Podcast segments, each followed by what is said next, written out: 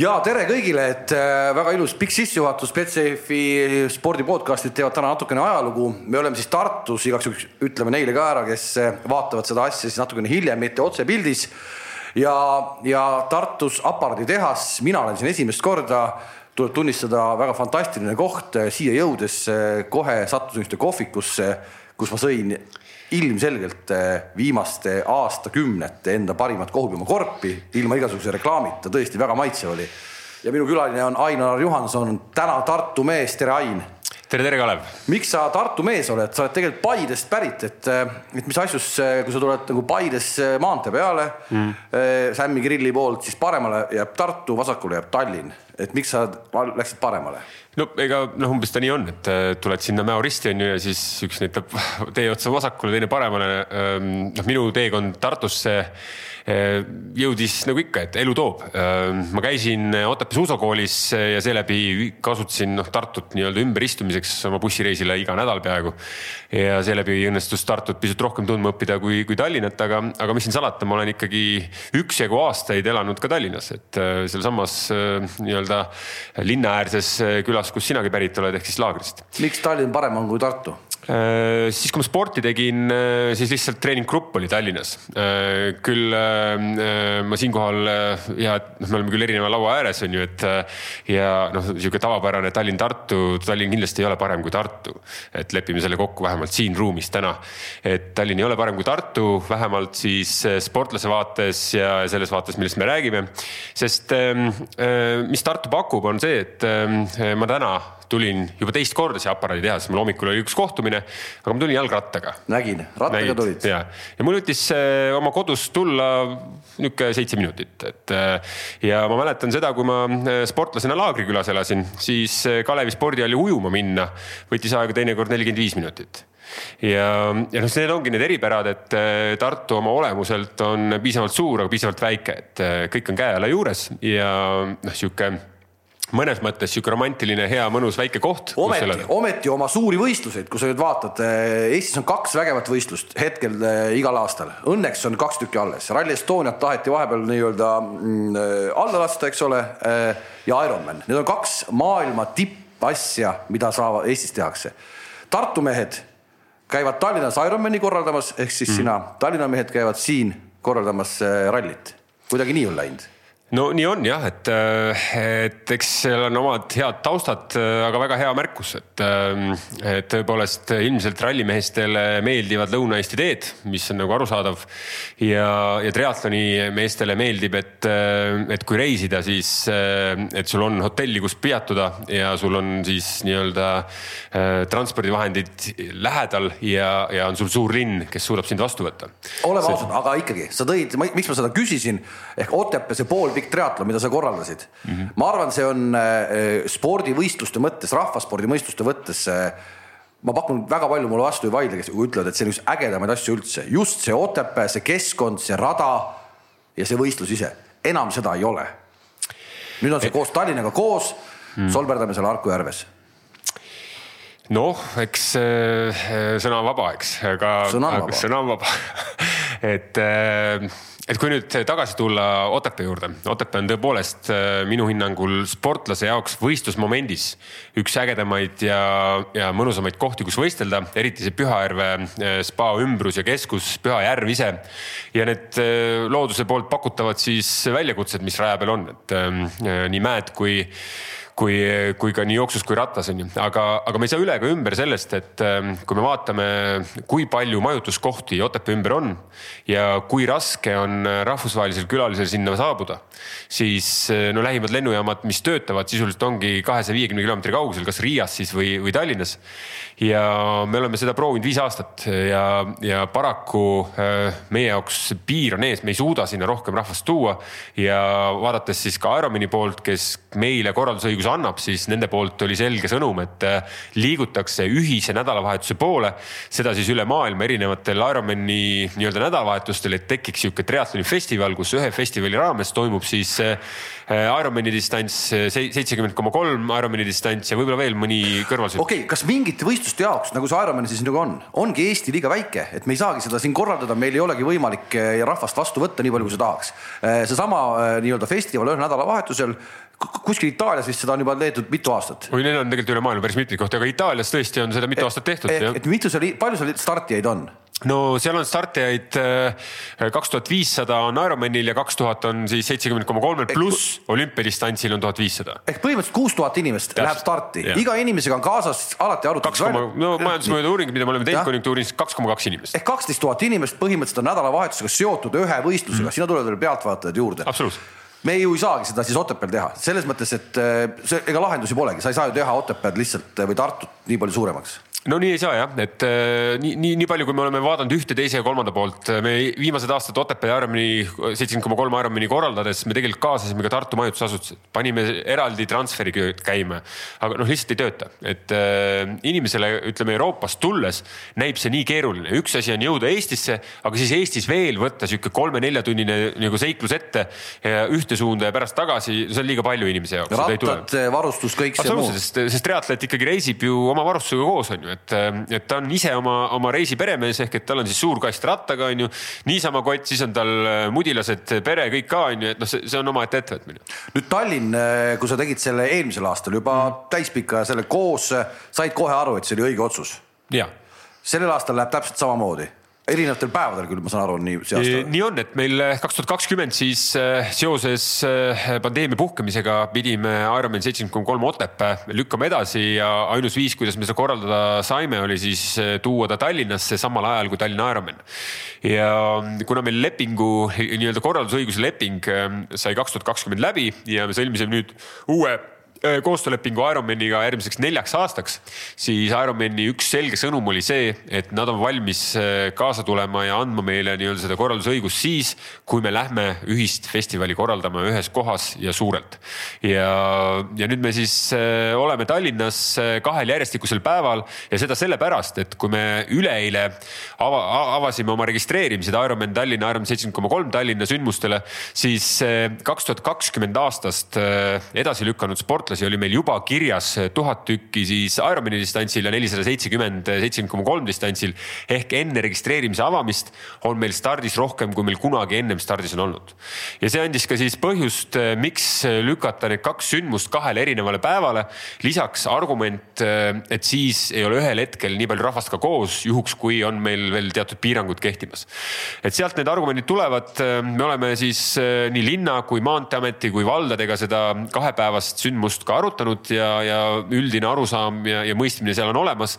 ja nüüd detailselt äh, läheb siis tööks nüüd juba noh, detsember-jaanuar, et kuidas asjad paika saavad. kui palju üldse lagi on, ütleme, võtame selle praegu nüüd kokku, see nädalavahetus nüüd, mis tuleb seitsmes, mm. august suvel, mis see lagi on, mis sa näed, et, et rohkem sa ei suuda vastu võtta, sa ei suuda ära korraldada? no ega meil on piirid ees lepinguliselt ehk et meil on kaks tuhat viissada kohta võimalus välja müüa Ironman distantsil, kaks tuhat viissada kohta Ironman seitsekümmend koma kolm distantsil. ehk kahel päeval kokku viis tuhat. täpselt, et noh, kui me nüüd nagu natukene mõtiskleme lahti, et äh, Ironman Tallinn äh, kaks tuhat üheksateist majanduslik mõju, mõju tuhande kahesaja osaleja juures oli circa neli miljonit eurot Eestile. see on siis see raha, mis eelarveväliselt äh, tuleb Eestisse, ehk et tuleb rahvusvaheline osaleja, ostab lennupileti, elamised, kaaslased, kõik muu. ja kui me nüüd korrutame selle kolmega, siis me saame tõenäoliselt selle mahu, mis, mis mõju niisugune sündmus Eesti turismisektorile on. see lugu, et sa oled selle Ironmani võistluse konkreetselt selle siia Eestisse toonud, ilmselt käib sinuga kaasas elu lõpuni välja. sina olid see, kes selle tegi, sina selle siia tõid see on tegelikult üsna uskumatu lugu, et selline asi üldse Eestis saab toimuda. teine lugu, mis sinuga käib kaasas, mida sa võib-olla ise enam ei taha väga rääkida, aga tänavusel aastal peab sellest jälle palju rohkem rääkima, on see Estonia laeva lugu mm.. ma ka väga pikalt sellele ei puuduta, kõik me teame, sina oled üks mees, üks vähestest, kes sealt välja tuli. Äh, ja sa oled sellest nagu palju rääkinud ka, kuidas see sind inimesena on muutnud ja nii edasi. nüüd, kui sellel sügisel tuli see dokfilm jälle välja, sa oled pidanud jälle väga palju sellest rääkima eilegi või üleeile olid sa Riigikogus mm. -hmm. mis sa nüüd nagu, mis sa nagu ise mõtled, mis asi see nüüd siis nagu on kokkuvõttes, mis asi see on praegu? no sa, sa ütlesid hästi, et, et pikalt ei taha puutuda või peatuda, onju, et aga ta on nii kompleksne ja keeruline teema, onju, et, et kui ma nagu püüan teda nagu paari sõnaga nagu kirjeldada, siis äh, sisuliselt kakskümmend kuus aastat ja natuke hiljem või natuke rohkem tagasi juhtus üks äh, lähiajaloo suurimaid või no selgelt lähiajaloo suurimaid tsiviilõnnetusi on ju. mis puudutas siis Läänemere riike, meid, mind isiklikult ja väga paljusid teisi on ju.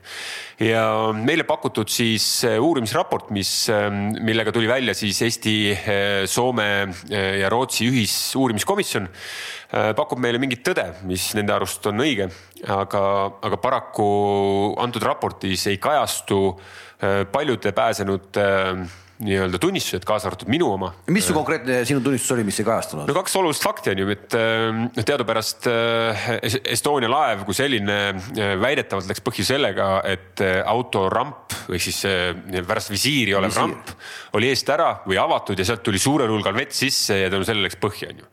mina magasin nulltekil, autoteki all, on ju peale esimest raksatust, kui laev viltu läks, tegin ukse lahti, vesi oli seal autoteki all. ometi, ometi autotekil peaks olema veekindlad uksed ehk et mul ongi küsimus, et kuidas sinna sai, on ju, keegi seda seletanud ei ole ja ma ei ole ainuke tunnistaja, kes seda näinud on. ja selle Te... sa ütlesid kohe nii-öelda kaldale jõudes tunnistuses ütlesid no,, et nii oli on, ja, ja seda ei olnud kirjas. mind on, mind on küsitlenud kolm erinevat uurijat minu nii-öelda, nii-öelda vastus, oma käega kirjutatud vastusraport on netis siiamaani saadaval. kõik, kes tahavad, leiavad selle üles, onju. ja lisaks sellele äh, noh, meie Anti Arakuga olime tõenäoliselt ainukesed, kes siis laeva ninast vette hüppasid, ehk et me ronisime siis äh, veele lähemale sellesama autorambi tagant, kus on siis metallvõrestik, mis väidetavalt pidi lahti olema. ehk et ähm, noh, ta võis olla irvakil, ma ei, seda ju ei kontrolli, onju, aga ma kindlalt kasutasin äh, metallvõrestikku, et saada siis veele lähemale, et vette hüpata. et need on kaks niisugust põhifakti onju, mis äh, ka minu tunnistust silmas pidades äh, on problemaatilised. kui me sinna juurde liidame selle, et väidetavalt noh, siin uurimiskomisjoni liikmed on väitnud, et Estonia on millimeetri haaval kõik läbi uuritud, onju, aga ometigi leitakse neli, neli, nelja meetri suurune avaus Estonia pardas onju, siis mul on küsimus, et et kas äh, lihtsalt ei tehtud tööd põhjalikult või siis äh, tõesti ei, ei märgatud midagi. et äh, mõlemal juhul on oluline, et me täna tänapäevaste vahenditega teeks kindlaks lõpliku tõe, mis annaks rahu ja, ja, ja mõistmist kõikidele, kes sellega puudutatud on palju räägitakse sellest hauarahust, et ärme näpi, hauarahu. nõustud sa sellega, oled sina selles paadis, kes ütleb, et ärme näpi või, või Kalev, osad omaksed ütlevad ju, et mis hauarahu? muidugi, mul väga lähedased inimesed äh, jäid ka sinna põhja, onju. aga hauarahu on oluline, aga kuidas on nende inimeste rahuga, kes pääsesid ja kannatasid? Ma arvan, et ükski inimene ei pea läbi elama seda, mida ma seal nägin, onju, näha, kuidas inimesed surevad su silme all. ja seda seitsmeteistaastasena kanda kaasas iga kakskümmend kuus aastat, iga september seda jälle välja kratsida, jälle rääkida, jälle teha. et, ähm, et ma saan aru, et hauarahu on oluline, aga see ei ole ainus rahu, mis on vaja maailmas leida. üheksakümnendad selles mõttes olid sinu jaoks äh, äärmiselt karm, et, et natukene hiljem äh, pidid sa jätma hüvasti oma emaga. Äh, ja, ja kõik see tõmbas ikkagi nagu noorel mehel katuse niimoodi käima võib öelda, et mm. ilma häbenemata sa panid kärakat äh, ilma igasuguste piirideta, võib nii öelda?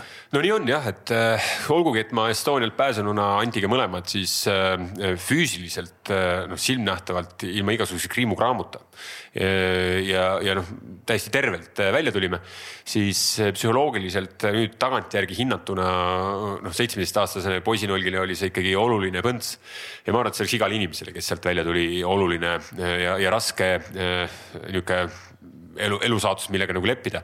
ja, ja ma ei, ma ei saanud sellega hakkama, et mu lähedased olid läinud, kes mulle olid nii-öelda teenäitajad, Jaan ja Kristjan, kes noh, unistus oli saada ju profisportlaseks, on ju. ja ühtäkki need, kes mind oma kampa võtsid Urmas Randmaga koos siis, kelle, kelle klubis me toimetasime ühtäkki neid ei olnud enam ja mul ei olnud nagu seda teed, ma ei osanud, mis ma siis teen, on ju, et noh, sa ei osanudki midagi ette võtta.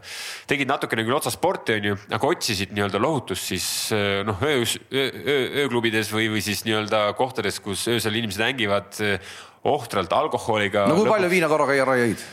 no ma olen liiter viina ära joonud korraga. liiter viina korraga ära joonud, tipp-topp ju.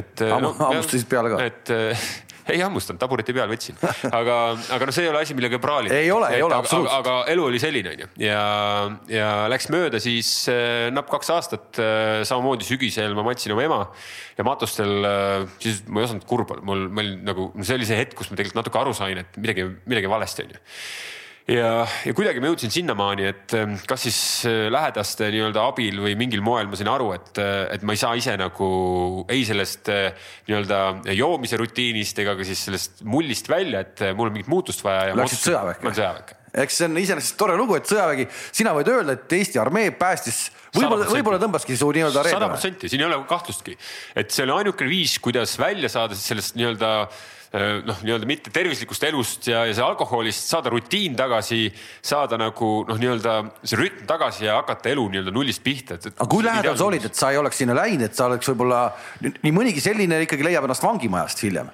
et no, ja sealt siis võib-olla, kas tuleb parema inimesena välja või reeglina mitte? no ma oma, oma olemuselt eh, sihuke bandiit ei ole, et, et ma nagu, ma vähemalt ise arvan, et mu süda on õiges kohas, onju. aga, aga, aga, aga noh, tol hetkel ma olin nõrk ja ma noh, selles mõttes ma ei saanud endaga hakkama, onju. ja mul oli vaja midagi, mis aitaks mul sellest eh, mullist välja saada ja, ja Eesti Kaitsejõud, sõjavägi oli, oli ideaalne koht selleks, et ma selles mõttes suur tänu sellele võimalusele ja, ja, ja no päriselt ka, et, et, et ma, mul on väga hea meel, et mul see võimalus olemas oli ometi sa ei jäänud elukutseliseks sõjaväelaseks, see võimalus tol hetkel vist oli ka tegelikult juba olemas ju.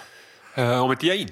Äh, kui siin parandada ja, ja faktides kindel olla, siis ma olen kaksteist aastat olnud Eesti Kaitsejõudus üle, ületeenija ehk et seda siis Eesti spordirühmas nii. et aga, aga, äh, aga kuidas, kuidas, jõuda, siis. Äh, kuidas see käis nagu, nagu töö mõttes see käis, et see siis nimi paberil või kuidas see oli? töö oli, töö iseloom oli midagi muud, onju. et, äh, et kui ma kaitsejõud lõpetasin aasta pärast, siis noh, sinna astumist, siis läks veel aastakene mööda, kus ma tegin trenni ja elasin eesmärgi nimel, et, et saavutada siis tõesti spordis midagi erilist.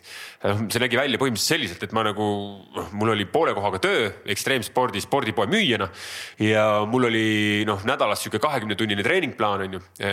iga minut oli välja arvutatud, A4 peale välja kirjutatud, ma läksin teinekord kell viis suusatama trummi metsa, et kella kümneks jõuda tööle, on ju, siis e, vabandust tööandja ees, eh, töö ajal vahepeal tegin väikse. aga vaata, kui sul olid ajad, sai minna trummi metsa suusatama, enam ei saa no,. no nüüd ei saa jah, et aga noh, mõte on ikkagi selles, et, et nagu see, see tahtmine oli suur ja Eesti Kaitsejõudude spordirühm seda märkas ja nad olid valmis meid, mind nii-öelda selles mõttes toetama hakkama, et ma ei peaks tööl käima enam. ja ma arvan, et see on üks oluline ja väga-väga noh, nii-öelda vitaalne ja, ja, ja, ja hädavajalik äh, sihuke äh, kuidas ma ütlen, süsteem, mis aitab Eesti sportlastel kuidagimoodi hakkama saada, onju. et kahjuks. nüüd see, see lõppes ära ju. see lõppes ära ja see on väga kurb, onju. ja, ja väga paljud spordiorganisatsioonid, kelle jaoks oli see nagu eluliselt vajalik, et noh, nagu ka triatloni organisatsioon onju, siis äh, seda enam võimalust ei ole noh, kui küsida on ju, et miks peaks kaitsejõud toetama nii-öelda sporti on ju, siis äh, väga lihtne ja selge vastus on, et need sportlased, kes äh, kaitsejõu palgal on, on tegelikult ka eeskujuks nendele samale kaitseväelastele, kes seal tegelikult kohal käivad. Neid kaitseväelasi, kes on sport või sportlastena nii-öelda kaitsejõudu palgal, võiks kasutada rohkem selles samas protsessis, kus osale või nii-öelda siis kaitseväelane või siis ajateenija tuleb äh, oma nii-öelda siis kohustuslikku aega teenima. ja teistpidi, kui vaadata nagu laia maailma on ju, siis sõjaväesport on äh, väga suur, see on väga lähedal olümpiaspordile. et kui me räägime sismi nagu võistlusi, noh siis Just, seal meil aga, täna ei ole. aga need põhjendused, kui me nüüd korraks läheme selle teema juurde sisse, need põhjendused, mida nüüd tuli välja, et kaitsevägi loobub oma sportlastest äh, olid need sinu jaoks veenvad? no ütleme näiteks, et, et ma ei tea, üks bazookapauk, äh, mis seal polügoonil paugutatakse, maksab üle saja tuhande, on ju. et ja neid tehakse seal ikka kümneid ja kümneid, eks. siis meie, meie see nii-öelda väikene sportlaste rivi, kes seal palgal oli, see on ju eelarve mõttes täiesti olematu number no on, aga, aga ma saan aru ka põhimõttelistest otsustest, mis on hästi olulised äh, kaitsejõu noh, süsteemis, et kui seal on nagu juhi põhimõtteline otsus, et tegeletakse riigikaitsega seonduvate nii-öelda siis probleemide ja, ja noh, arendustega, siis äh, jah, selles valguses ma saan aru, et äh, et noh, see sellise põhimõttega ei olegi sportlasroodul või sportlaste nii-öelda grupil nagu kohta Eesti kaitsejõudus. aga, aga ma lihtsalt loodan, et ühel hetkel siis Eesti kaitsejõududes tekib see arusaam ja see kompromiss ja arusaam nagu tagasi, on ju, et, et need sportlased, kes seal palgal olnud, ei ole nagu muidusööjad, need panustavad kogu oma elu ja noh, nii-öelda nooruse ja, ja kogu oma energia selleks, et saavutada spordis midagi, esindada Eesti riiki, Eesti kaitsejõude. Ja see on tegelikult väga suur väärtus. Kui, kui paluda kellegilt, et sa mitte ei tee hommikul kella kaheksast neljani tööd, vaid sa oled kakskümmend neli tundi kogu see aeg ööpäevast ainult selle, selle nimel töötamas, siis äh, vähesed saavad sellest aru et sport ei ole ainult see, et kui sa tippsporti teed, et ma teen selle kolm tundi trenni ja siis ma lähen sõpradega sinna õlut jooma. see tähendabki seda, et sa taastud õieti, sa magad õieti, sa hoolitsed iseendast ja see ongi kakskümmend neli tundi kahekümne neljast tunnist ööpäevas. see on väga lühike aeg, mõttes inimese elu võttes, et seda saab nii teha. okei okay,, aga tuleme sinu juurde tagasi, et, et sa äh, sõjaväest tulles said aru, et, et lühike triatloni distants, olümpiadistants ikkagi sinu jaoks ei ole põhimõtteliselt. see, see nii ruttu ei käinud. no sa, proov, sa, sa, nagu, sa nagu proovisid seda, aga, aga just nii-öelda füüsilised näitajad, sa oled ikkagi suur mees, oled, eks? selles ei ole küsimus, Kalev, Kalev, selles no, ei ole küsimus. no milles oli?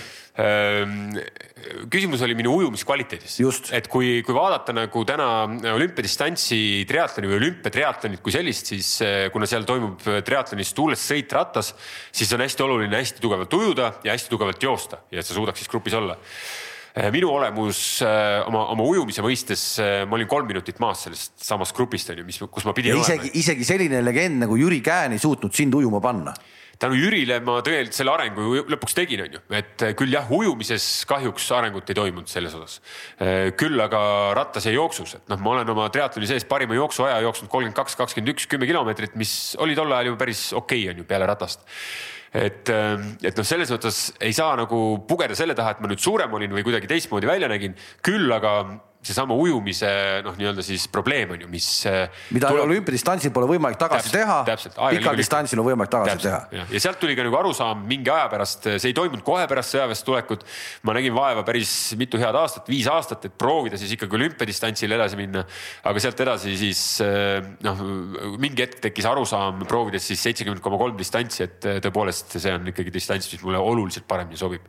sest lisaks siis ujumisprobleemile mu füsioloogiliselt et äh, ma olin hästi ökonoomne, olenemata sellest, et ma nii suure, suurt keha pidin kaasas kandma, et. Äh, et tehes koormusteste siin Tartu Ülikoolis siis äh, ja, ja mujal, et spordimeditsiini keskuses, siis, siis tegelikult me saimegi aru, noh mõistes lahti siis sellest minu kui sportlase nagu olemus, siis ökonoomsus, selle liikumise ökonoomsus või funktsionaalsus oli, oli nii hea, et seda. aga kui palju selle taga oli see, et sa ikkagi Otepäält suusakoolist tulid?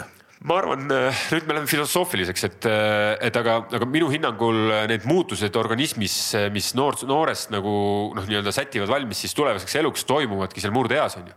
et kui me suudame nagu noh, nii-öelda liikuda, olla mitmekülgsed, teha nagu sporti seal murdeeas, kus organism välja areneb, on ju, siis on sul väga suured eeldused, et sa edaspidi suudad nagu väga suuri koormusi taluda, sa oled nagu võimeline siis spordis midagi saavutama et loomulikult see aeg, murdeaeg minul äh, sattus sinna Otepää suusakooli, kus ma tegelesin noh suusatamisega, mis on hästi mitmekülgne spordiala.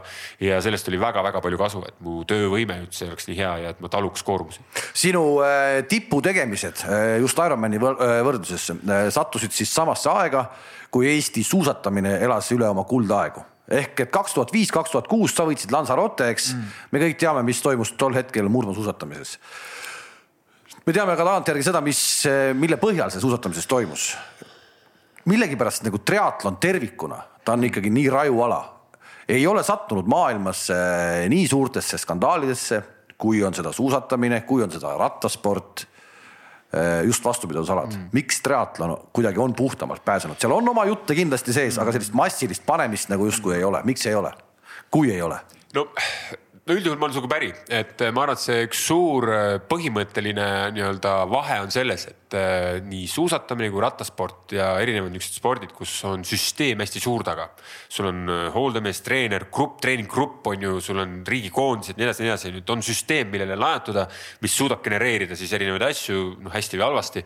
nagu me ajaloos näinud oleme, triatlonis mina tippsportlasena olin omaenda manager, omaenda nii-öelda reisikorraldaja, omaenda nii-öelda asjur ehk et mul oli küll füsioterapeut, kes minuga kaasas käis, aga seda ainult parimatel aastatel. ehk et meil ei ole seal seda mahtu ja võimsust ja raha ega midagi muud.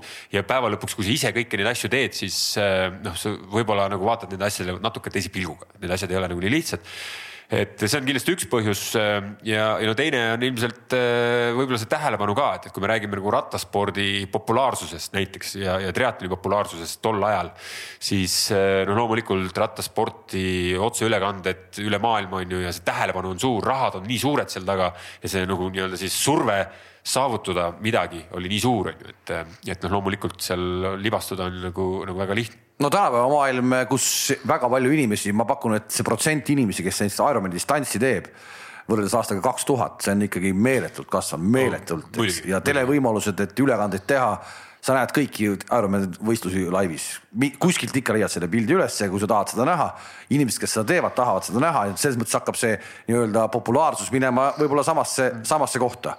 kas selle populaarsuse tõusuga hakkavad ka nii-öelda pahalased rohkem äh, jõudma triatlonisse? no eks see on alati oht, seepärast et äh Äh, no võib-olla see niisugune filosoofiliselt see, see ahnus inimese sees ju kuskil noh, kui me vaatame nagu laiapõhjaliselt seda ühiskonda või, või siis seda gruppi, kes nagu selle spordiga harrastab, kindlasti on neid, et äh, kindlasti ka neid, äh, võib-olla on ka neid tarvitajaid, on ju, aga, aga noh, see valdav osa ja, ja, ja tipp, kes täna tipud on vähemalt noh, väljaspoole tunduvad nagu normaalsed, sest üks oluline asi, kuidas sellest nagu ka nagu noh, pihta hakata või mis, millist tähelepanu on siis vastupidavus spordis ei toimu muutused üleöö.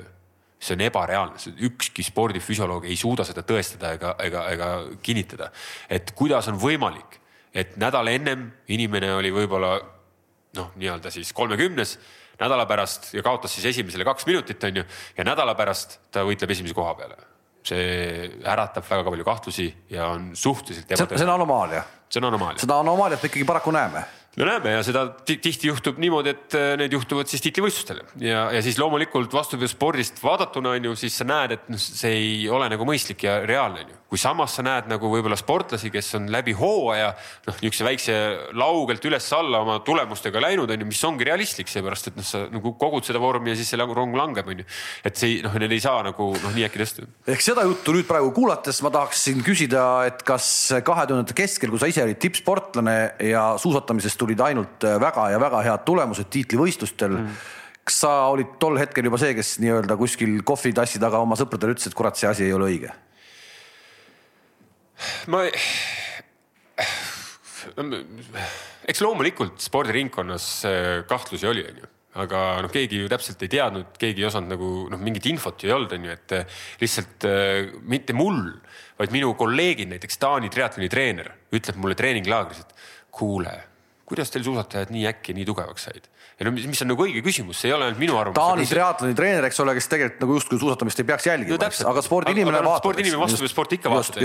ja siis jääb nagu silma see on ju, et -hmm. see noh, et on kuskil nagu mingisugune aga sees on ju, et noh ma ütlen, et meil ei ole ju tõestusi ja me noh, selles mõttes ei teadnud tol hetkel ka on ju, ega praegu ka päris täpselt ei tea, mis kahe tuhandete aastatel toimus, me teame selle lõpuosa. et aga, aga noh, loomulikult see, neid jutte oli, on ju, ja, ja noh, seda arutamist ikka oli, et, et ja mitte ainult nende, vaid ka mingite teiste sportlaste üle, kes võib-olla noh, ja mis võib-olla olid nagu alusetud ka osadelt, et ega me ju ei tea seda pane, pane ennast sellesse aegadesse tagasi korra veel, et sina nii-öelda suvise ala äh, tipptegijana äh, Äh, minnes toetajaid otsima, no sa ütlesid, et sa kõiki asju tegid ise, sa olid autojuht, kokk, äh, raamatupidaja ja nii edasi. eks sa otsisid ka toetajaid ise endale. kuidas toetajad sulle vaatasid otsa, samal ajal kui meil olid äh, ikoonid suusatamises no? et kes sa no, sihuke oled või? No see on nagu üks sõidab mersuga, teine sapakaga, noh umbes nii, et, et noh, mina kraabin ukst, siis lähen aknast sisse ja siis kraabin jälle ukse taga ja, ja siis võib-olla leian mõne metseeni, kes on valmis, no piltlikult öeldes. räägi, räägi, lood on alati head. ma, ma, ma pidin minema oma elu esimestele Euroopa meistrivõistluste olümpiadistantsis mul oli tol hetkel ratas, mille ma siis äh, suutsin ära murda, raam läks pooleks, onju. Mul oli võistluseni kolm kuu, kolm nädalat onju ja pidin uue ratta ostma. ratas maksis seal, ma ei tea, kuus tuhat, ühesõnaga tol ajal siis kroonides, aga, aga noh, sihuke neli kuni kuus tuhat eurot suurusjärgus. no see on ikkagi meeletu kogus kroone. ja ma leidsin kokku kakskümmend kaks ettevõtet, kes igaüks andis natukene, et saada see nii-öelda raha kokku, et see ratas ära osta selleks, et kakskümmend kaks ettevõtet kätte saada, kes natukene käivad, on ju, ma pidin kaks korda rohkem ettevõtteid läbi käima, sest ega kõik ju ei anna, on ju. ehk et ähm, ja nüüd, kui me toome siia kõrvale, on ju, siis nagu noh, selle teise spordimaailma, mis samal ajal kehtis ja toimis, on ju, siis äh, noh, sõna otseses mõttes sõideti mersudega ringi, on ju, et, et, et noh, see, see, see viis toetusi saada oli parem ja see taust oli ka parem, sest oldi kohalikud kangelased, äh, suusatamine oli väga populaarne ja kõik tahtsid olla selles osas, et noh, see on nagu noh, sihuke paratamatu ületamatus, et kus on, sinna antakse juurde, ehk et kui sa oled nii-öelda võitja ja kui sa oled nagu tähelepanu all ja, ja kohalikul võistlusel ka veel nagu kohalik staar võidab, on ju, siis, siis seda enam soovitakse sellest osa saada ja me ju tol hetkel nägime, et kogu Eesti spordiraha, väga suur osa Eesti spordirahast koonduski nii-öelda siis suusatamisse. no suusatamine oligi tegelikult ka hästi selline nagu kuidagi Eesti rahvusspordiala, et mm. nädalavahetusel telekas lahti, seal oli kasvõi taustaks Lembitu Kuuse, see hääl, see kõik oli lihtsalt, see käis nagu selle asja juurde. triatlon tol hetkel ta oli ikkagi natuke nagu selline kauge. ikka kauge, eks. hoopis teine. hoopis teine asi. Eestis keegi väga ei teadnud. just, ometi äh, olen ise näinud äh, äh, Hispaanias koos olles sinuga, täitsa suvaline mees tuleb tänaval juurde ja, ja ütleb viisteist aastat hiljem, et kuule oma sõbrale, et kuule, näe, see mees võitis Lanzarote Ironmani. ma olin selle, ma olin seal kõrval ja mulle tekkis, mis, mis kuradi moodi, mis kuradi moodi. ja tegelikult sa võtsid seda suhteliselt nagu tuimalt, et noh, et tegelikult, tegelikult see nii ongi seal maailmas ei no loomulikult, et noh, noh, kuidas ma ütlen, et kui Eesti suusatajad olid oma kodumaal populaarsed ja staarid ja tuntud, on ju, siis eh, noh, sel hetkel, kui mina tipus olin ja Lanzarotet kaks aastat võistsin, võitsin järjest, on ju, siis, eh, siis loomulikult Hispaania, Lanzarote ja, ja isegi Kesk-Euroopa nagu triatlerid kõik tundsid ja teadsid, on ju, sest ma esiteks olin teistest erinev Äh, oma, oma loomu poolelt ma olin pikem, suurem, noh.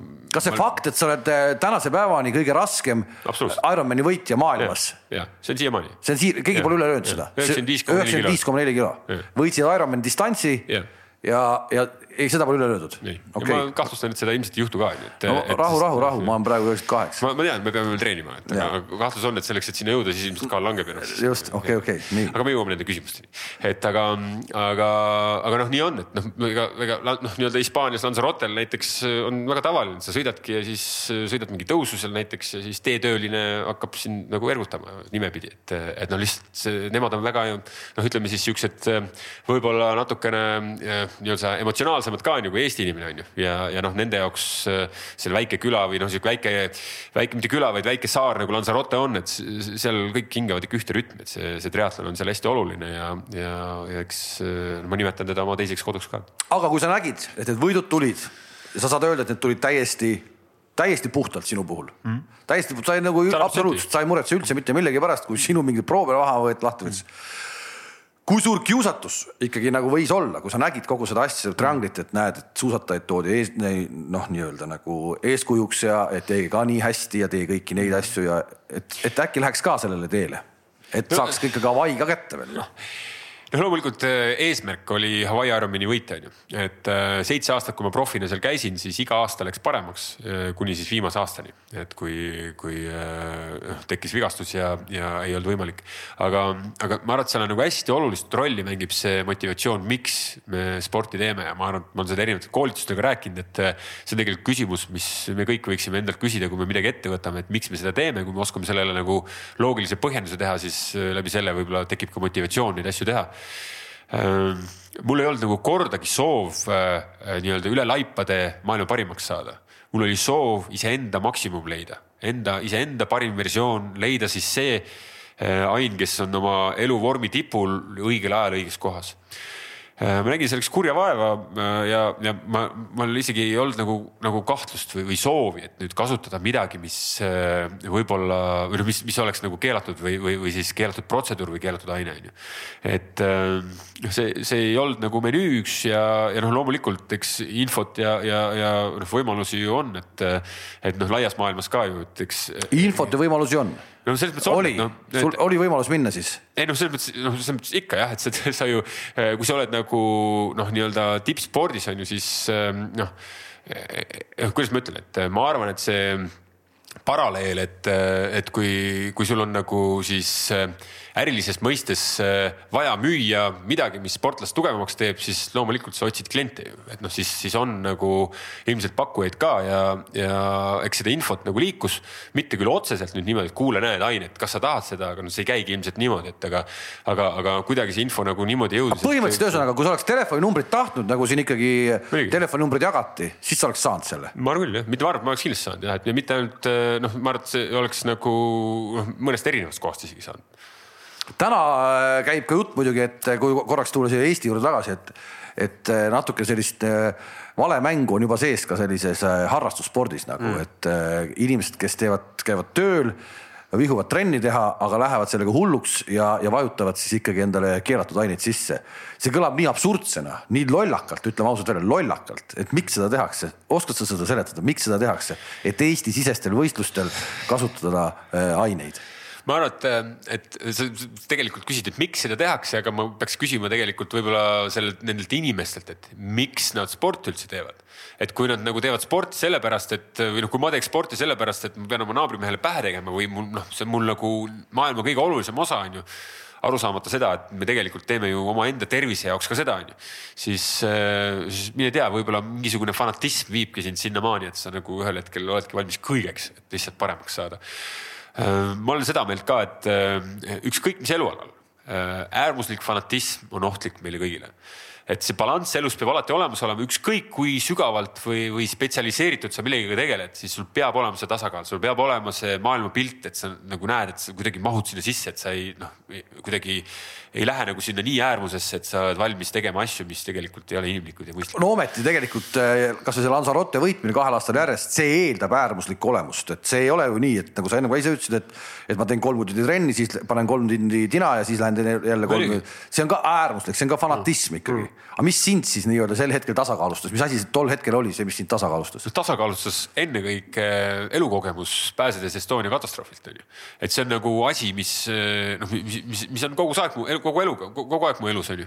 et noh, ja punkt, punkt kaks on ju, et miks ma sporti teen onju ma teen sporti sellepärast, et läbi minu tegemiste või siis kas siis ise sportides või, või spordiürituste korraldamises inimesed meie ümber, kes sellest puudutatud saavad, saaks õnnelikumaks ja rõõmsamaks, nii nagu sina. sa hakkasid triatloni tegema, naeratad kohe rohkem oh,. absoluutselt. et, et, et selles mõttes see ongi see, miks, miks sa nagu seda teed, on ju, et ja, ja kui sa, kui sa need asjad paned paika, on ju, noh siis, siis noh, kasvõi seesama Ironman Lanzarote võit, samal aastal ma korraldasin juba Paide triatlonit, on ju. et mul olid asju, mida ma nagu veel tegin, mis olid olulised, mitte ainult see konkreetselt see võit, on ju, vaid mul oli perekond, mul oli noh, nii-öelda siis võistlused, mida korraldada ja kõik muu, et noh, see peabki olema see natukene nihuke noh, kuidas ma ütlen, kõik munad ei saa ühes korvis olla. ei saa olla. ilmselgelt sul on põhjust olla ja, ja, ja on põhjus ausalt olla natukene siis nii-öelda suusatajate peale pahane, mis nad omal ajal tegid, et sinu sportlaskarjäär võib-olla natukene selle tõttu jäi vaeslapse rolli, kõik jutud. täna, kui see asi on nii avalik ja kõik see, siis kuidas sa nagu vaatad siis selle otsa, ma olen seda varem ka podcast'is just küsinud teiste spordimeeste käest ehk meie nii-öelda spordi eh, juhtkond, aastaid ja aastaid ühed samad näod on seal eesotsas eh, ja, ja siis kuidagi ikkagi tahetakse nagu, et ärme sellest räägi ja, ja ei ole ju hullu midagi ja kuni selleni välja, et aitäh teile mehed tehtu eest. no kohati täitsa absurd, minu jaoks absurd äh,. muidugi, ma olen nõus, et, et äh noh, ma, ma arvan, et Eestis on väga palju häid ja, ja tublisid spordijuhte ja, ja sporti juhitakse ja tehakse, on väga palju fanaatikuid, mille peal tegelikult Eesti sport paljuski püsib. kui, kui rääkida nagu erinevatest väljaütlemistest antud noh, siis kriisidel, kui, kui, kui tõesti on nagu noh, nii-öelda tegemist tõestatud nagu dopingujuhtumitega, et, et noh, vaata, see on noh, hukkamõistu printsiip ka on ju, et, et me ei saa nagu võib-olla noh, proovides mõista siis neid väljaütlemisi ühelt poolt, et, et noh mingil põhjusel need on ju ette võetud, need, need valemängud, aga teiselt poolt noh, kui me räägime, et seda teevad nagu Eesti spordijuhid, on ju, siis moraalselt on nagu noh, minu jaoks, see on, see on puhtalt minu arvamus, on ju, et moraalselt on nagu ülioluline, et see sõnum, mida Eesti spordijuhid annaksid, on ühiselt ja selgelt suunatud sellele, et vale mängimine on hukkamõistetav. sest me ei saa nagu, kuidas me ütleme oma noorsportlastele, et eh, noh, tegi valesti, okei okay., ma siis järgmine kord proovin ka, öeldakse aita, aita ja ma saan, kõik ongi okei okay,, onju et see, see kultuur ja see noh, nii-öelda suhtumine peab tulema meie enda juhtidelt ja meie enda seest on ju. et kui me ühiskonnana ka tolereerime seda noh, nii-öelda siis, sest see ei ole ainult spordijuhid on ju, see on ju tegelikult ühiskond tervikuna. just, et kui me kõik nagu... panevad, miks me ei pane?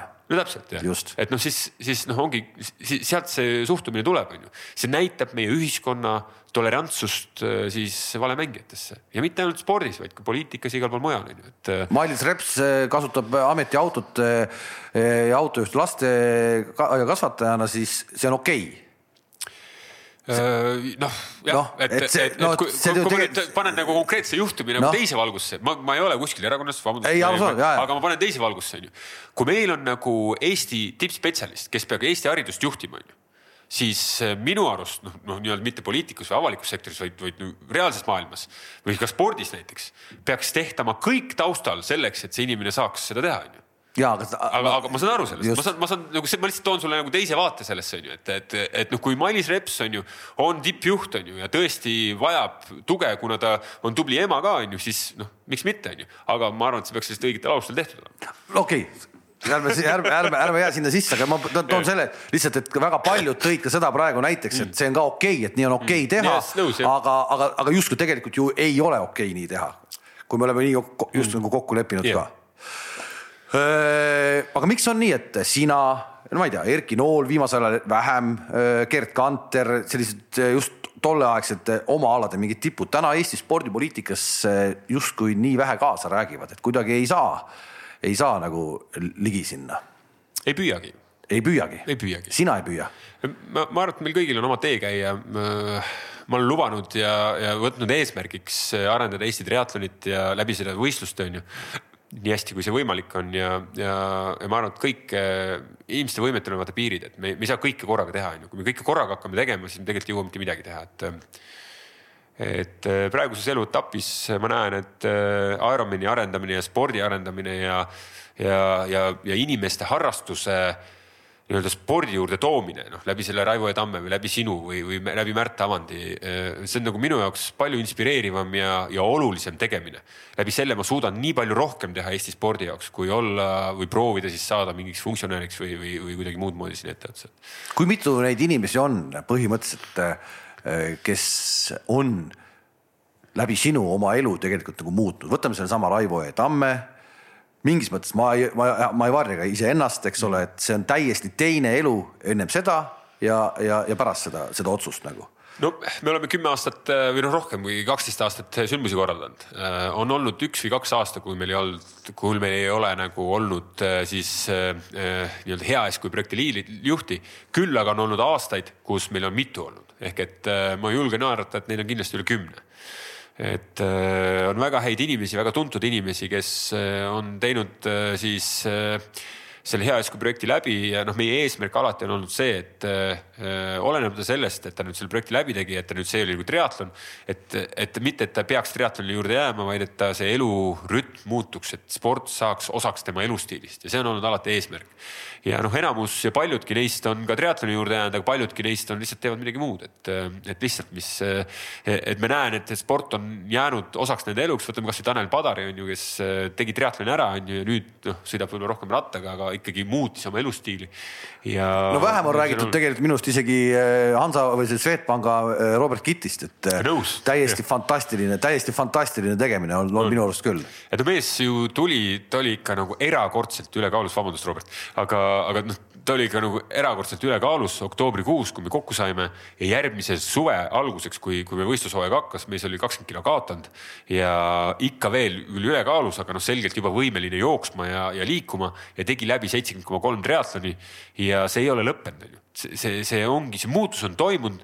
mees on äh, triatloni võtnud endale nii-öelda siis spordialaks, millega ta harrastada tahab ja mis on osa tema elustiilist ja, ja seda on tõesti hea ja inspireeriv vaadata. ma juba äh, näen äh, kirjutamas kommentaare või juba nii-öelda inimesed, kes meid praegu vaatavad, et kurat, te ju tegelikult tapate inimesi, see ei ole, see ei ole tervisesport. te tapate, see on, see on inimeste tapmine, miks sa, Ain, tapad siis neid hea eeskuju projekte? Äh, teate, mul on äh, vahest äh, on kurb vaadata, kuidas tuntud ja tublid inimesed, kes spordiga on akadeemiliselt väga süvati, süviti seotud, ka arstid, kes nimetavad nii-öelda siis võib-olla harrastussportlast, kui näiteks Raivo Tamme või kedagi vaadates, on kommentaar olnud, et, et miks te tapate ja annate halba eeskuju. Seda on tulnud minu jaoks ka ootamatult palju, et seda. et, et me, me, ärge palun olge kinni äh, dogmades, et Ironman ja triatlon on mingi üliinimeste sport, ei ole nii. Ironman kui selline on küll raske vastupidav sport, on ju, aga sinna on võimalik äh, ette valmistada ennast selliselt ka, et sa lähed seda läbima, mitte võistlema.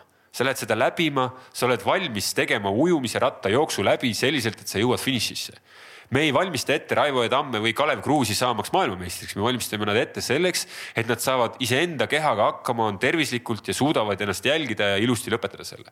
et ma arvan, see, see arusaam, et miks te neid tapate, tuleb tegelikult inimestest endast, kes seda kommentaari annavad, kes mõtlevad, et harrastussport ongi sihuke, nagu sa ennem kirjeldasid, sihuke fanaatiline nina, ninast vere välja pigistamine sihukest asja ei ole noh, meil, meil. no on seda ka, aga. no ma ütlen meil, kes me just, nagu, nagu okay. meie, meie grupis on ju, keda me püüame nagu siis spordi juurde tuua, et.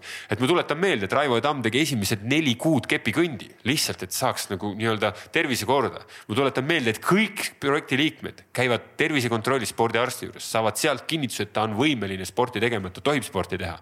ja see meditsiiniline jälgimine on ka olemas, on ju. ja kui ma kuulen näiteks mõnda akadeemikut äh, siin viimases podcast'is äh, ütlemas, et, et mehed üle neljakümne, kui pulss läheb üle saja kolmekümne kahe, siis äh, see ei ole kasulik sulle enam siis ma küsin nagu sellist oh,, et, et, et, et, et kuidas on võimalik tuua piir inimeste, inimeste juures, kes noh, võtame näiteks äh, Urmas Välbe, endine suusataja, kelle maksimumpulss oli kakssada kümme, onju. või võtame siis äh, noh, näiteks Raivo Tamme, kelle maksimumpulss on võib-olla sada viiskümmend kuus, onju. siis ei ole reaalne, et see sada kolmkümmend kaks on mingi maagiline piir, mis kehtib kõigile see on ikkagi personaalne, on olemas aeroobne tsoon, anaeroobne tsoon ja loomulikult, kui inimene läheb anaeroobsesse, siis ta kulutab palju, see on suur stress, organismile on raske, onju. aga see on nii erinev, ei ole mõistlik panna mingisugust piiri, numbrilist piiri, mis ei kehti üheselt kõigile ehk et sellisel juhul noh, mul ongi küsimus ja mind hämmastab see, et kui, kui Eesti noh, nii-öelda kui seda infot eh, erinevate nii-öelda podcast'ide ja, ja, ja noh, infoväljade põhjal tuleb harrastusspordile, kes, kes on harrastussportlane ju tarbib seda onju. ja siis tal tekib hirm, et oi, ma ei tohi seda ja toda teha ja see võib-olla tapab mind ja too. no see konkreetne näide, mis sa praegu tood, on minu arust nagu täiesti absurdne näide no,. ma ei ole, ma ei ole küll kuulnud seda sada kolmkümmend kahte, aga see on nagu, see on nagu absurd, absurdne näide, seda nii lihtsaid asju, et see on iga, et see on nagu inimese puhul individuaalne. Mm.. no ma, seda teab ju praktiliselt igaüks, ma arvan. absoluutselt jah. aga miks, aga miks, miks sellist juttu räägitakse? me kogu aeg räägime, et me tahame inimesi liikuma saada, me kogu aeg räägime seda. Mm.. Eesti inimene liigub vähe, Eesti laps liigub vähe, Eesti nelikümmend pluss mees ei liigu üldse, surevad vara ära, täisväärtuslikult elatud elu, mis iganes, eks. Mm.. ja siis me räägime seda, et aga ärge tehke vot seal on võib-olla see ühiskonna mure jälle, et noh, see ühiskond, kellega me räägime, on ju, see, kes käib nagu sportimas, on ju, on harjunud, et tulebki võistelda kogu aeg, et tulebki number peale panna, ninast veri välja ja, ja tulemuse peale, on ju aga, aga võib-olla on aeg nüüd jõuda sinnamaani, et mitte nagu tegeleda sellega, et eh, kuidas nagu võistelda, vaid kuidas iseenda jaoks nauditavalt mingi distants läbi saada. nii nagu sina tegid viimase Ironmani, et no see ilus super. naeratus, noh, see oli nagu super seal jooksudistantsil, et no loomulikult oli raske, onju. see ei mhm. tähenda, et ei ole raske, onju.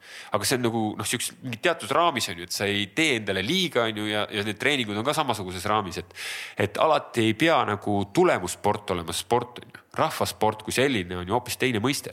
rahvasport ongi iseenda jaoks spordi tegemine, oma tervise jaoks spordi tegemine ja läbi, läbi siis erinevate võistluste, mis ei pea olema nagu noh, võistlus tippspordi mõistes või siis saavutusspordi mõistes, lihtsalt iseenda proovile panek on ju, et.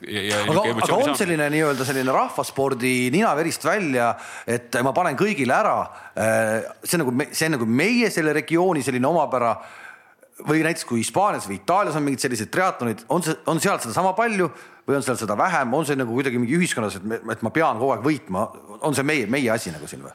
No ma arvan, et ta on nagu igal pool natukene, lihtsalt see tasakaal võib-olla on teine ja ta täna paistab silma võib-olla ka ja see, see on kindlasti hästi palju kinni ka sündmustest, mis koha peal korraldatakse. et kui meil ongi nagu hästi saavutusspordile nagu, nagu pühendatud rahvaspordisündmused on ju, siis ongi väga raske. et viimasel ajal on küll tulnud palju siukseid teistmoodi sündmusi ka nagu Grand Fondo tüüpi nii-öelda rattasõidud või, või siis, või siis ühistrenni tüüpi asjad, mis nagu tegelikult on nagu hästi suure väärtusega harrastusspordis et ma arvan, et see on nagu sihuke kompleksne ja mitte ainult siis nagu sportlaste poole vaadata nagu, vaid ka sündmuse korraldama ja korraldajate kui ka lisaks veel siis nagu üldse spordifunktsionäride juures, et.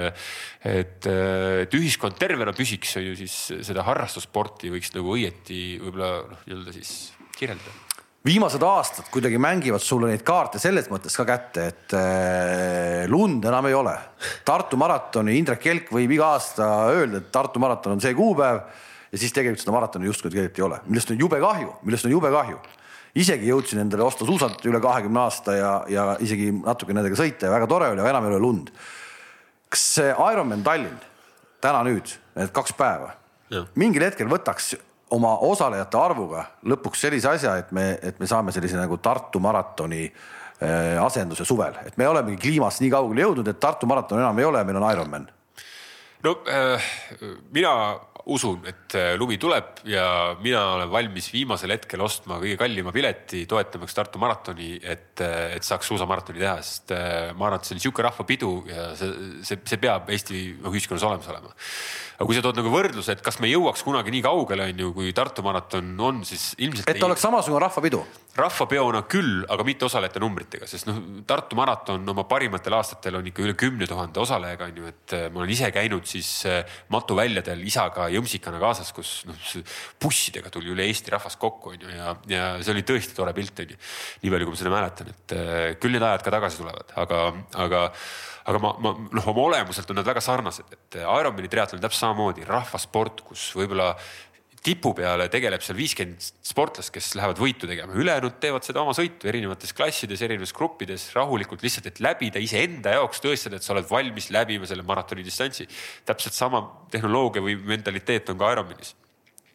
Aga kui me räägime sellest nagu tähenduslikkusest, äh, et, et, et, et kas see on nagu midagi, mingi sündmus, millest on vaja või, või millest soovitakse osa saada aastas või, või korragi elus on ju, siis ma usun, sinna me jõuaksime küll jah et see on asi, mida me tahaksime saavutada, et, et tõesti suvel on üks sihuke margiline sündmus, millest tahetakse osa võtta, üks vastupidi sportlane tunneb, et, et ta peaks vähemalt korra elus selle läbi tegema, et tunda nagu hästi, võib-olla ka rohkem, et selleks kindlasti. seda, seda kõike on hästi äge rääkida, Ironman, see kõik, see ilus logo ja, ja asjad, see kõik maksab, see maksab tohutut raha tegelikult, et ma ei julge neid summasid siin välja öelda, palju sellise Ironmani toomine, lihtsalt see, et sa tood selle Ironmani giidi all võistluse Eestisse mm., palju see maksab?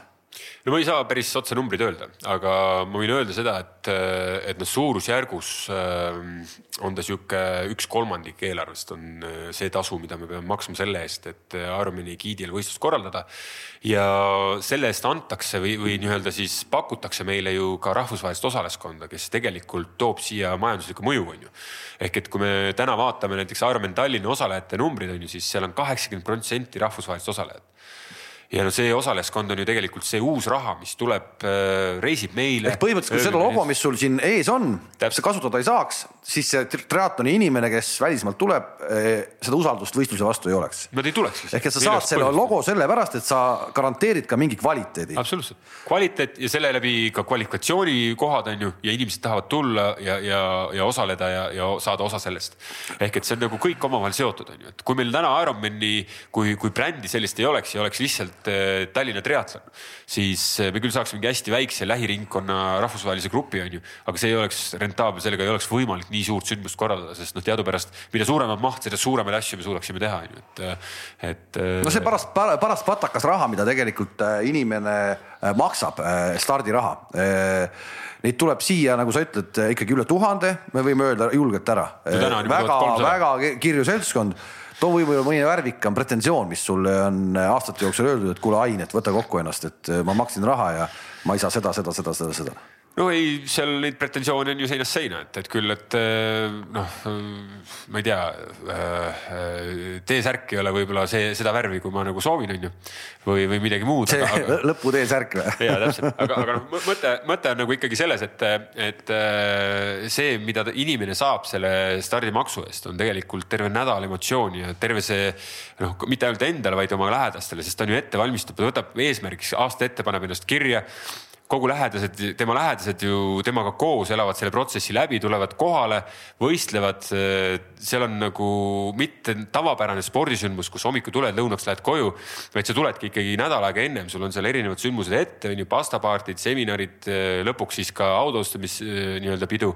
et see on nagu üks suur protsess ja emotsioon, mida sa sealt saad, on ju.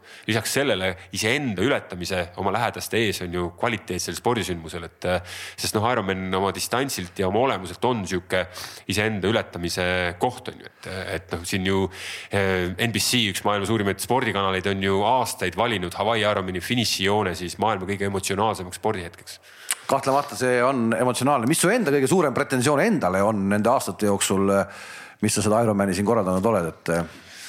No eks vigu on ikka tehtud omajagu. hea, hea on see, et, et või noh, mis hea, vaid et ma, mul on, ma olen rahul sellega, et kogu tiim ja kaasa arvatud mina, et me oleme võimelised nendest vigadest õppima ja oleme aasta-aastalt parandanud neid.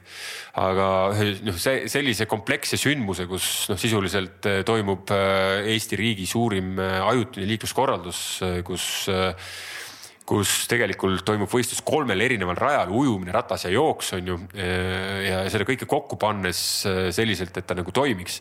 Äh, see on hästi kompleksne, keeruline, hõlmab endas hästi palju partnereid, aga, aga ma võin nagu julgelt öelda, et Eesti riigis on väga tugevad sündmuse korraldajad ja ka partnerid, kes suudavad seda teenust pakkuda. et sihukest kvaliteetseid sündmusi korraldada, nagu selleks on Ironman Tallinn ja ka Rally Estonia noh, ka näiteks Tallinna maraton, aga, aga, aga sõna on vaba ja, ja kõik need korraldajad kuulevad ka enda aadressil ikkagi päris jõulist. et minge jookske ja ujuge kurat metsas, mida te tulete linna vahele liiklust kinni panema, ma ei saa autoga sõita. jälle on linn kinni. et miks sa piinad inimesi niimoodi, miks te teete seda?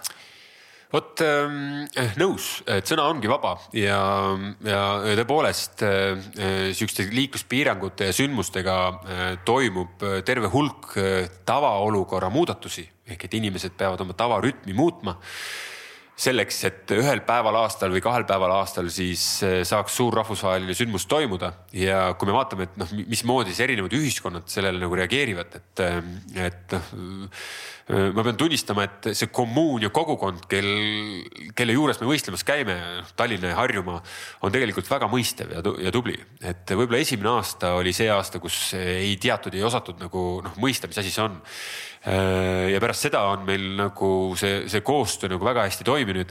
loomulikult on neid kibestunud, kes võib-olla ei kuulnud sellest õigel ajal ja, ja satuvad olukorda, kus nad planeerisid selleks päevaks mingi olulise tegevuse. ja, ja selle infopuuduse tõttu nad nagu noh, on siis hädas, on ju. ja me proovime leida alati nagu lahendusi ja aga, aga mis nagu täna nagu on nagu tore vaadata, on noh, kasvõi seesama Laagriküla, kus oli kohalik kogukond teinud toreda emotsioonipunkti on ju, kus siis osalejatele kaasa elati ja, ja teised kohad ka võtta seda keelejoad ja, ja nii edasi, et, et. ühesõnaga sa näed lõpuks..., et see asi nii-öelda areneb ja läheb sinna suunas nagu maailmas ta on. no maailmas on ju täpselt samamoodi, et mitte selle asemel, et nüüd äh, nina mossis kodus istuda, et pagan, et jälle mu tee pandi kinni. et noh, mul oli täna ka sel, sel aastal üks helistaja, kes ütles, et, äh, et ta küll ei taha oma kodust välja minna, aga põhimõtteliselt, kuna sa mu tee kinni paned, põhimõtteliselt ma streigin selle vastu. ma küll ei taha kodunt välja minna, aga ma streigin no,. No, ma küsisin, mu küsimus oligi, et, et kas sa tahad kuhugi, sest ma ju vastan ise sellele küsimusele ka mingite vahetustega, et, et nendele infotelefonidele ja, ja see oli minu töökord parasjagu ja, ja, ja, ja härra siis ütlebki, et noh, et, et kas te panete kinni, ma ütlesin jah, paneme küll kinni sellest kellast selle kellani, kus te siis minna tahate. aga ma ei tahagi kuhugi minna, aga ma põhimõtteliselt kaeban kohtusse teid väga mõnus. et aga, aga noh, vaata see suhtumine on ju see noh, eks inimesed, igalühel meist on omad mured, on ju, ja võib-olla see kanaliseerub mingisse kohta, on ju. aga teiselt poolt ma näen nagu märksa suuremat hulka inimesi, kes tulevad raja äärde, kes, kes naudivadki seda nii-öelda sündmust, mis neile kodu kätte on toodud, on ju. et natuke teistsugust argipäeva või siis, või siis nädalavahetust, kus siis tõesti saabki nagu kaasa. aga põhimõtteliselt Tõde ja õigus ikkagi tühja koha peal kirjutatud ei ole? ei ole kindlasti meil on siin ka tegelikult publikut ja väga tore, äkki keegi tahab midagi küsida Aini käest, eh, kui me oleme siin varsti tund aega juba rääkinud. ei ole küsimusi? no mina küsin sinu käest. küsi, küsi. et eh, kuidas sul sportimisega läheb? suurepäraselt, hakkasin jälle sportima ja väga hästi läheb praegu. väga hästi läheb. jah, eh, kehakaal ei kuku, aga, aga saame sellega hakkama küll hästi, kas, kas sportimine tähendab siis korvpalli, jooksmist, rattaga sõitmist või kalal käimist? ei, hetkel ainult jooksen. jah, sellel nädalal juba olen viis korda lindi peal käinud, iga kord kümme kilomeetrit, hakkab tulema. suurepärane, see on viiskümmend kilomeetrit nädalas, see on väga hästi no,. nii see, see, seda on lausa viiskümmend kilomeetrit rohkem kui mul, aga, aga mis sul eesmärgid on, mida sa tahad teha, miks sa, miks sa seda teed, Kalev, miks sa teed seda, miks sa käid jooksmas viis korda nädalas? oleme ausad, ma võin rääkida küll selle viimased kaks minutit ära, see koroonaaeg, mis oli mm. ja kui ma ei saanud äh, trenni minna, mul jäigi tegelikult hooaeg vahele, kuna lapsed jäid lasteaiast koju ja, ja sa pidid nendega olema kogu aeg koos, sa mm. tahtsid mingi trenni teha, aga see jäi nii juhuslikuks jäi kõik. ja ma ei teinud mitte ühtegi trenni. ja see aasta, mis mul nüüd vahele jäi praegu, esiteks mu kehakaal läks kõmm jälle sada neli kilo, mis on ikkagi kohutav minu jaoks, ma arvan. Äh, ja teiseks see heaolutunne, kui sa oled trenni ära teinud ja sa lähed siis tööle. see on, see peab olema inimese juures, see peab olema, iga inimene peab leidma endale no mitte päevas, aga nädalas neli-viis korda küll selle tunni, kasvõi selle tunni, et see asi teha. see on, see on päris selgelt ja see on nüüd tulnud küll sellega, et sina kutsusid mind kunagi triatlonit tegema. Muidu ma oleks, ma ei kujuta ette, mis asi noh no suurepärane, ma pean sult eeskuju võtma ja proovime siis ka ise leida need eh, neli-viis korda nädalas. ja nagu ikka öeldakse, kingsepal kinga ei ole, on ju, et siis eh, mul on küll hea meel treenida ja olla osa sellest, et, et inimesed ümberringi saavad nagu paremaks ja leiavad nagu tee sinna. aga iseenda sihukest tasakaalu leidmist ma veel nagu noh, nii-öelda siis natuke rabe on see, et, et otsime seda aga, aga mis, ma saan aru, et käid jooksmas ka onju, et aga mis siis järgmine aasta sind tuua võiks, et? ei järgmine aasta ei, ei, ma tulen teen selle Tallinna ära ikka, ma solberdan seal Harku järves ära selle kolm koma kaheksa kilomeetrit. kolm koma kaheksa ehk siis täispikk triatlon. ja, jah, jah, mul läheb tavaliselt pikem, et ma ujun, ujun risti-rästi, et ma ei oska ujuda otse.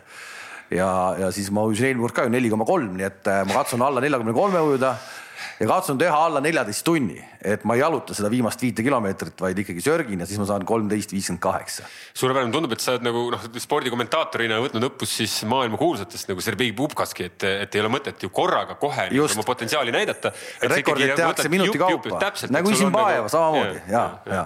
et noh, selles mõttes äh, elu on õpetanud, et äh, ootame siis sind äh, Armen Tallinn kaks tuhat kakskümmend üks starti ja siis alla neljateist tunni no ärme seda alla neljateist tunni, seda nüüd kirik, kirik, ärme, ärme seda, ärme seda kirikusse kirjuta, aga, aga proovime jah, proovime. ja ühesõnaga väga tore oli äh, teha ka sellist podcast'i siin Tartus. täna siis äh, ma saan aru, festival jätkub, meie olime esimesed õhtuni välja, erinevaid äh, väga huvitavaid podcast'e siin pakutakse, kes siis veel Tartus on.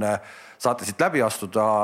ma teen praegu mingit reklaami, mille täpselt ei tea, kas ma õigesti teen, et kas saab läbi astuda, aga saab, sest et meilgi siin on publikut mm.. nii et astuge siit läbi ja, ja kuulake ikka podcast'e, et hästi tore on rääkida toredate inimestega, aitäh sulle, Ain. aitäh kutsumast. nägemist